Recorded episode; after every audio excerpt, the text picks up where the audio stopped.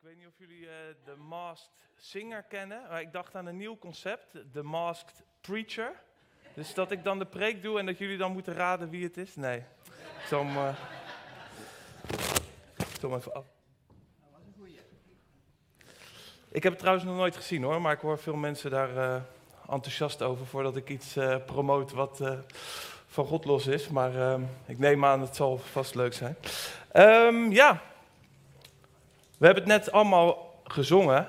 Neem mijn hart, verander mij. En dat is wat God ook doet. God verandert jou. God verandert mij. Wat, wat doet dat met je als je dat, als je dat hoort? God verandert jou. Misschien heb je zoiets van, ja dat klopt, eh, ik heb al zoveel veranderingen ervaren. Misschien geeft het je iets van dankbaarheid voor de veranderingen die je al hebt gezien in je leven. Maar wellicht heb je ook zoiets van, ja, eh, rustig, ik eh, wil helemaal niet veranderd worden en eh, laat mij met rust. Het is wel goed zo. Het zal bij iedereen iets, iets anders oproepen, maar vandaag wil ik het hebben over ehm, ja, hoe God jou en mij verandert. Een van de meest opzienbarende transformaties in de natuur is die van de rups naar een vlinder. Dan zie je hier de grootste vlinder ter wereld. Het is de atlasvlinder. En ehm, ja, die is zo groot als je hier op het beeldscherm ziet. Nee, dat is een geintje. Maar jullie trapten er wel in. Jullie trapten er wel in. maar ze kunnen echt heel groot worden. Eh, deze leeft in Azië. Nou, ik heb zelf eh, wel eens, eh, toen ik in het oerwoud was in Bolivia, heb ik hele grote vlinders gezien. Dat was echt eh, adembenemend. En ehm, ja, nu dwaal ik een beetje af, maar ik weet nog dat in dat, eh, in dat oerwoud dan, eh, hadden we ook een plek om te slapen. En dan kwamen we dan overdag en dat zag er al helemaal schoon uit. En dan dachten we van, nou, mooie plek om te slapen. En begon de schemer te vallen. Dan ging ik nog eens een keertje kijken. En zag ik overal kakkerlakken kruipen. Kwamen overal uit de, uit de hoeken en gaten tevoorschijn. Op mijn bed zat ik, wat ik dacht, een enorme spin. Dus ik eh, naar de gids toe, ik zeg, eh, luister eh, vriend, die ga jij dus even weghalen voor mij. Dus hij er naartoe en toen pakte hij hem en toen was het dus een sprinkhaan zo groot als mijn hand. Alles is gewoon groot in het oerwoud. Op de een of andere manier hebben de insecten daar gewoon meer de, de ruimte om, om te groeien. Nou goed, ehm, na één eh, nacht eh, te hebben geslapen in het, eh, in het oerwoud, we zouden eigenlijk meer nachten slapen, ben ik maar weggegaan. Dus ik ben niet zo'n onwijze held wat, wat ongedierte betreft. Ehm, maar ook de, de rups kan last hebben van ongedierte. Wat er namelijk kan gebeuren in die transformatie, dat wist ik zelf ook niet, maar er kan zich ongedierte nestelen in de rups. Dat heet een sluipwesp. En ehm, ik heb er ook een, een plaatje van. Het is heel fascinerend. Dus wat zo'n sluipwesp doet, is die komt en die legt zeg maar eitjes in de rups. Dus op het moment dat die rups bezig gaat met de transformatie, dan is hij eigenlijk dus niet bezig om zelf een vlinder te worden, maar dan is hij bezig om nageslacht voor de sluipwesp eh, te vormen. Eh, dat vond ik een, ehm, een goede metafoor ook over wat er eh, ja, ook kan gebeuren in ons eigen leven. Vandaag wil ik het hebben over Romeinen eh, 12, vers 2. Ehm, het komt uit een brief van Paulus, die hij schrijft aan de Romeinen. Eh, ja, op dat moment zijn er problemen tussen eh, leden in de kerk. Ja, dat kennen wij natuurlijk helemaal niet, maar eh, dat, was daar toen wel het geval. En ehm, ja, hij schrijft deze brief en hij geeft advies. En ja, ik wil het vooral hebben over dit vers. Romeinen 12, vers 2. Ik lees de vertaling uit het boek. U moet niet worden als de mensen die zich niets van God aantrekken. U moet anders worden door een nieuwe manier van denken. Dan kunt u ontdekken wat God wil. En wat Hij wil is goed, aangenaam en volmaakt. Nou, op dit vers wil ik dus dieper eh, ingaan. Ja, om te beginnen met u moet niet worden als de mensen die zich niets van God aantrekken. En als ik dat lees, dan moet ik ook denken aan het verhaal van uh, Noach.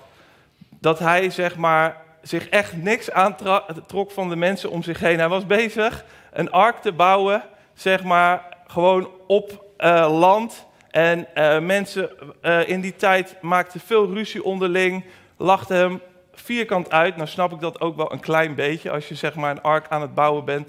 Maar hij liet zich niet uit het veld slaan. Hij trok zich niks aan van de mensen die zich niks van God aantrekken.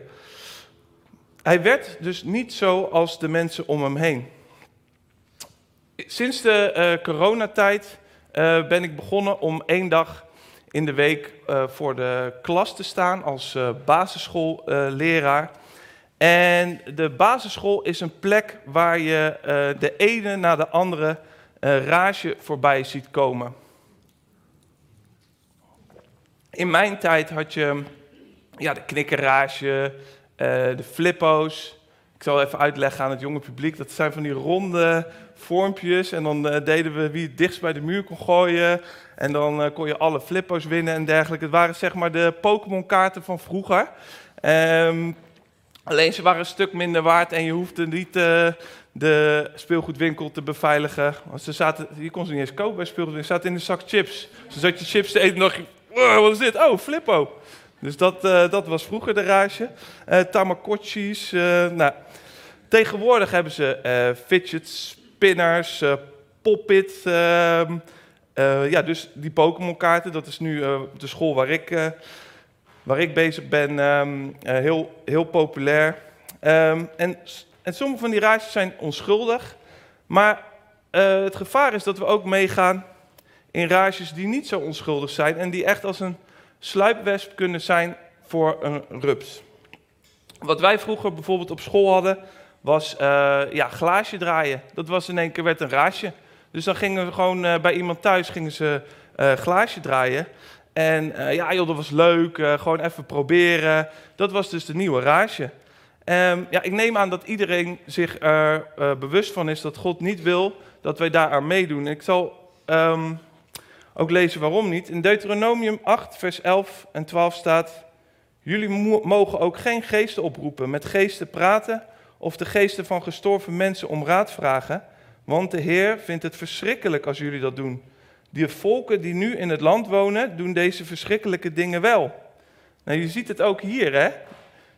Je wordt ook gewaarschuwd van, kijk, misschien doen de mensen om je heen, die doen dat dan wel, maar dat moeten jullie niet doen. Je moet niet altijd meegaan in de rages die er zeg maar zijn op dat moment. Je moet altijd goed nadenken van, hé, hey, wat zijn we nou eigenlijk aan het doen? En kan ik hier uh, aan meedoen. En het is, ja, vroeger vond ik het altijd, als kind vond ik het altijd heel vervelend van, ah joh, wat doe je nou moeilijk? Uh, ja, er is toch niks uh, gevaarlijks aan. En, maar weet je waarom God dit zegt? God zegt dit niet om jou zeg maar te plagen en zo van je mag dit niet en je mag dat niet. Nee, God wil je gewoon beschermen. God wil je zeg maar een veilige playground geven. Dat je gewoon ja, dat je het echt leuk kan hebben. Heb je wel eens geprobeerd om een voetbalwedstrijd te spelen zonder regels? Binnen no time uh, schopt iedereen elkaar uh, overhoop en is het gewoon niet leuk meer. Dan heb je geen leuke wedstrijd meer. God wil ons gewoon beschermen met, ja, met zijn regels en adviezen.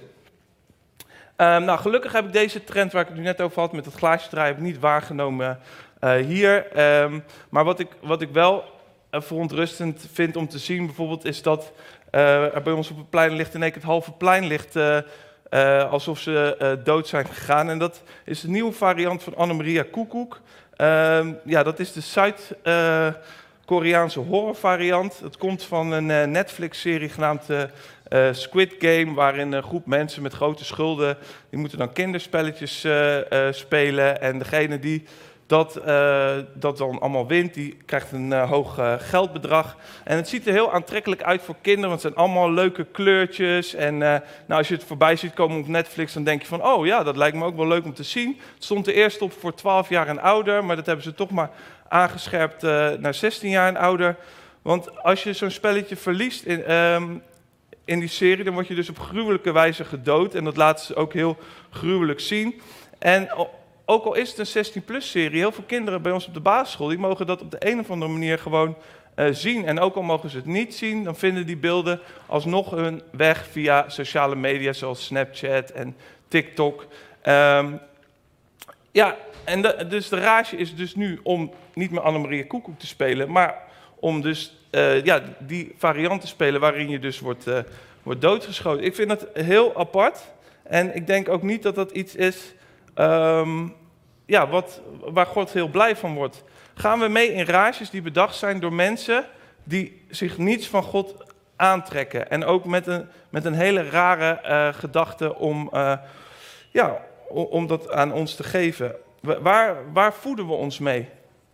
Vroeger had je zo'n kinderliedje van bewaar je oog, bewaar je oog voor wat je ziet, bewaar je oor voor wat je hoort. Misschien moeten we hem weer nieuw leven in, uh, inblazen, dat nummer. Als we ook kijken, ik weet niet of jullie die film kijken van, uh, of we een film hebben gezien, of een documentaire is het, het uh, die heet Super Size Me. Het gaat over een man en die gaat dan elke dag eten bij de McDonald's. En ja, dus die is eigenlijk alleen maar ongezond aan het eten. Ja, dan, uh, dan denken we allemaal van ja, natuurlijk, dat is niet gezond voor je. Dat, dat, snappen we ook wel. Maar dat gaat dan over voedsel. Maar hoe zit het met ons geestelijk voedsel? Wat nemen we tot ons? Waar voeden we ons mee? Nou, ik ga nog even door met mijn ergernis, want ook een trend waar ik uh, me mateloos aan stoor is bijvoorbeeld uh, de, de trend dat we allemaal in één keer Halloween moeten gaan vieren omdat je zeg maar voor goedkoop een bebloede kop bij de Action kan kopen, wil nog niet zeggen dat je dat op een basisschool op moet hangen. Heel veel oude verenigingen denken, oh, we hebben weer iets nieuws, iets leuks om de schoolweek te versieren. En uh, ja, ik, ik ben daar echt van geschrokken. Ik, ik kom op veel basisscholen, maar hoe klakkeloos dat wordt overgenomen zonder ook maar enigszins erbij na te denken van, nou, we hebben een leuk budgetje. We gaan naar de Action, we kopen uh, allemaal rare afgehakte ledematen en dergelijke en we hangen het op in de school bij, uh, bij jonge kinderen. Wat, waarom? De, wordt er nog nagedacht over wat voor dingen we volgen? Het laat wat mij betreft gewoon heel erg zien dat we als mensen uh, kuddegedrag vertonen. En dat kan goed zijn als je de, als je de juiste header volgt, maar het kan inderdaad dus ook um, fout zijn ik heb zelf ook wel ervaren um, ja, wat verkeerde invloeden gewoon. Uh, ja, voor, wat, dat met je kan doen op de, op de middelbare school. Ik mocht, um, uh, vroeger mocht ik nooit echt uh, op de computer. Mijn ouders wilden dat niet. Maar op een gegeven moment, toen was het zover. Toen mocht ik eindelijk. Nou, en toen was ik ook meteen verslaafd. En ik speelde ook heel veel uh, schietspelletjes. Ik zat in een, uh, dat heette, ja, een soort groep dat je samen heel, dat de hele tijd moet spelen. En um, ja, ik merkte dat ik mezelf ook gewoon heel veel ging opsluiten in mijn kamer. Uh, gordijnen dicht. En dan zat ik dan in het donker de hele dag te knallen. En het was ook in die periode dat ik ook echt depressieve gevoelens had. Ik vond ook het leven op een gegeven moment had ik zoiets van ja, wat heeft het allemaal voor zin? En het is, een het is een trend die ook door anderen um, wordt waargenomen. Ik heb een, uh, een heel mooi boek, dat is van uh, Richard Louv en dat heet The Last Child in the Woods, het laatste kind in het bos. En daarin uh, beschrijft hij ook dat um, ja, het aantal kinderen dat nog buiten speelt en echt op ontdekking gaat buiten, schrikbarend is afgenomen. En het aantal kinderen wat zeg maar uh, met klachten zit, zoals depressieve gevoelens, of, uh, ja, of dat ze te druk zijn en dergelijke, is toegenomen. En hij legde hier ook een kausaal verband in. Um, ja, ik heb dat zelf in mijn leven ook ervaren. Op het moment dat ik gewoon alleen maar uh, binnen zat en uh, met verkeerde dingen bezig was, dan, ja, dan ging het gewoon ook geestelijk niet goed met mij. En ja, de afgelopen weken heb ik ook heel veel uh, binnen gezeten. En um, ja, toen, toen, moest ik gewoon heel veel werk doen. Maar dan, dan, daar word ik zelf gewoon ook al. Dan, dan voel je je ook gewoon al, al minder uh, opgewekt. En ja, waar voel, waar, waar voel je jezelf geestelijk mee? We moeten waakzaam zijn voor de sluipwesp. Die probeert de transformatie in ons leven te verstoren. We moeten niet worden als de mensen die zich niets van God aantrekken. Maar hoe dan wel? Nou, Paulus zegt dat we anders moeten worden. door een nieuwe manier van denken. In het Engels staat er: uh, Be transformed by the renewing of your mind. Dus word getransformeerd door het vernieuwen van je geest.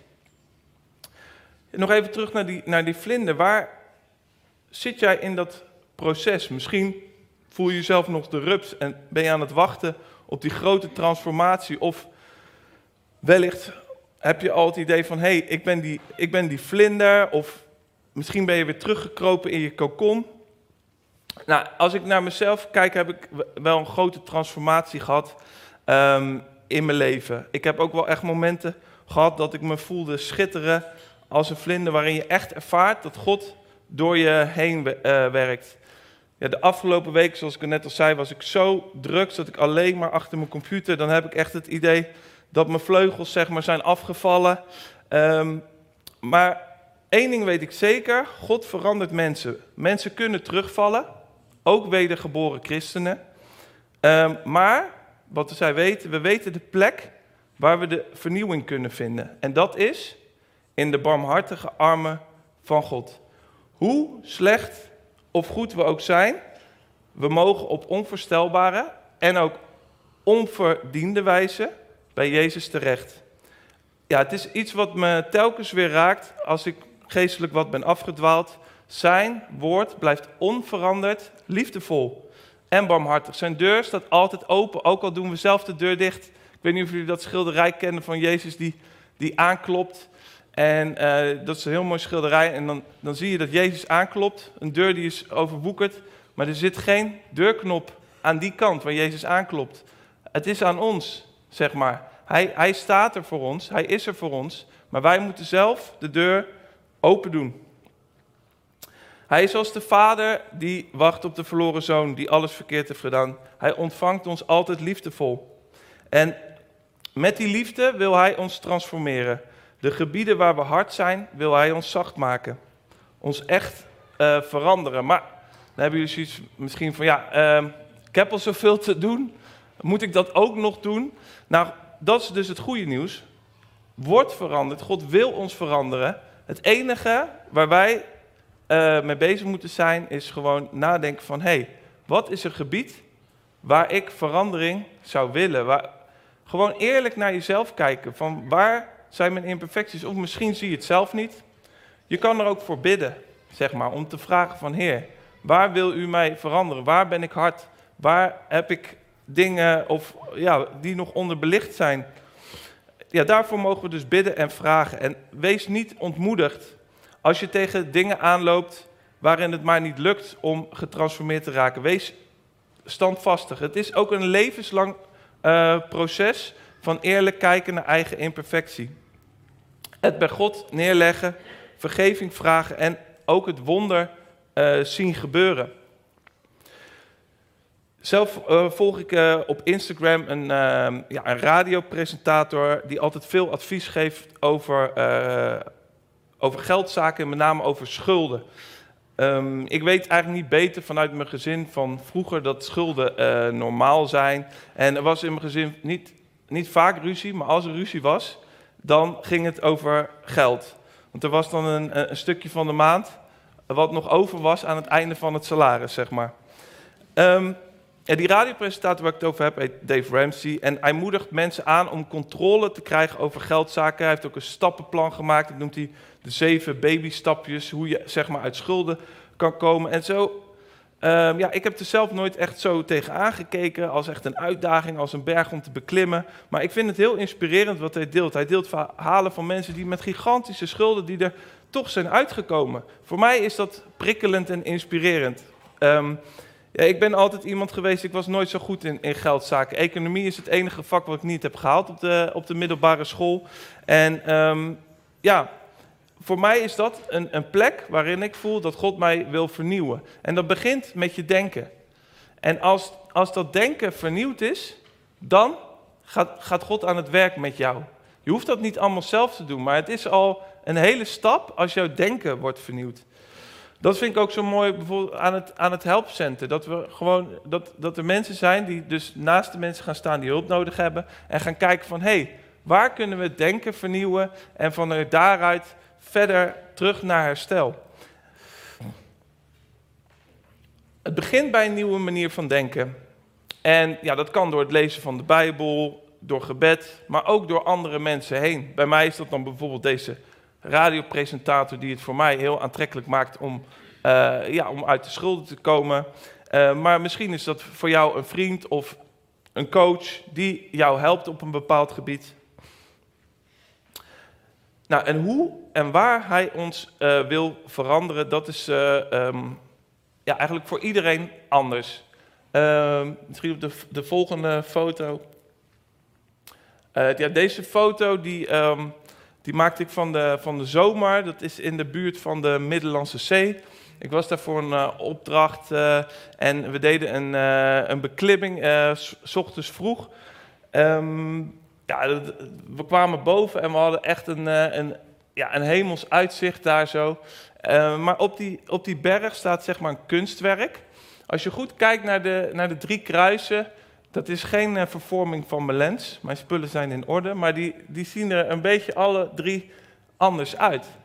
En dat heeft die kunstenaar die die, die, kruis heeft gemaakt expres gedaan. Want dat zijn zeg maar, um, elk kruis staat voor een manier waarop een, een schilder Jezus heeft geschilderd, zeg maar. En die drie kruisen zijn precies de vorm zoals die schilders dan dat kruis hebben geschilderd. En ik vind het wel een mooi beeld. Kijk, Jezus is voor ons allemaal aan het kruis gegaan. En voor allemaal is dat onze, onze redding. Maar voor ieder persoonlijk betekent het weer iets anders. Voor ieder persoonlijk word je weer op een ander vlak getransformeerd. Niet iedereen begaat zeg maar dezelfde zonde. Niet iedereen heeft op dezelfde plek de transformatie nodig. God wil ons dus allemaal op een andere manier veranderen. Geen vlinder uh, is gelijk. En in de praktijk uh, kan je zien of je een metamorfose hebt ondergaan. Niet uit mooie woorden, maar uit daden. Uh, Paulus heeft het in zijn brief erover dat je het in de kerk kan zien. Het is de proeftuin van de Heilige Geest. Wij mogen als christenen laten zien wie God is. En dat is een eer. Het gaat met vallen en opstaan, maar wij mogen het doen. Um, en door die praktijkervaring zien we ook dat God goed is. Paulus benoemt het ook in de rest van zijn brief. In Romeinen 12, vers 3 schrijft hij dat we onszelf eerlijk moeten beoordelen. We moeten niet te hoog van onszelf denken, dan plaatsen we onszelf boven de ander. Maar ook zeker niet te laag van onszelf. We zijn allemaal gelijk voor het kruis. We leven allemaal door dezelfde genade. We kunnen ons niet boven de ander uh, stellen. Voor trots is geen plek, maar voor twijfel ook niet. Dat zongen we ook net in het lied. Trots en twijfel wijken. En dan komt de mooie beschrijving van Paulus, waarin hij de gemeente het advies geeft. Dus dat is zeg maar de rest van die Romeinenbrief. En ik wil, dat, ik wil het ook met jullie gaan lezen. Um, luister er goed naar. Wellicht hoor je er iets in waarin je zou willen veranderen. Op het einde van deze tekst wil ik graag um, gaan bidden. En als we dit lezen, denk gewoon na van, hey, wat zou dan een gebied zijn waar ik graag een verandering zou willen zien, waar ik graag een transformatie zou willen. Ik geloof dat God dat wil en kan doen. Even een slokje water. We gaan lezen Romeinen 12, vers 4 tot vers 21. Een menselijk lichaam bestaat uit vele delen en die delen doen niet allemaal hetzelfde. Zo is het ook met ons. Al zijn we met velen, door onze verhouding tot Christus vormen wij samen één lichaam.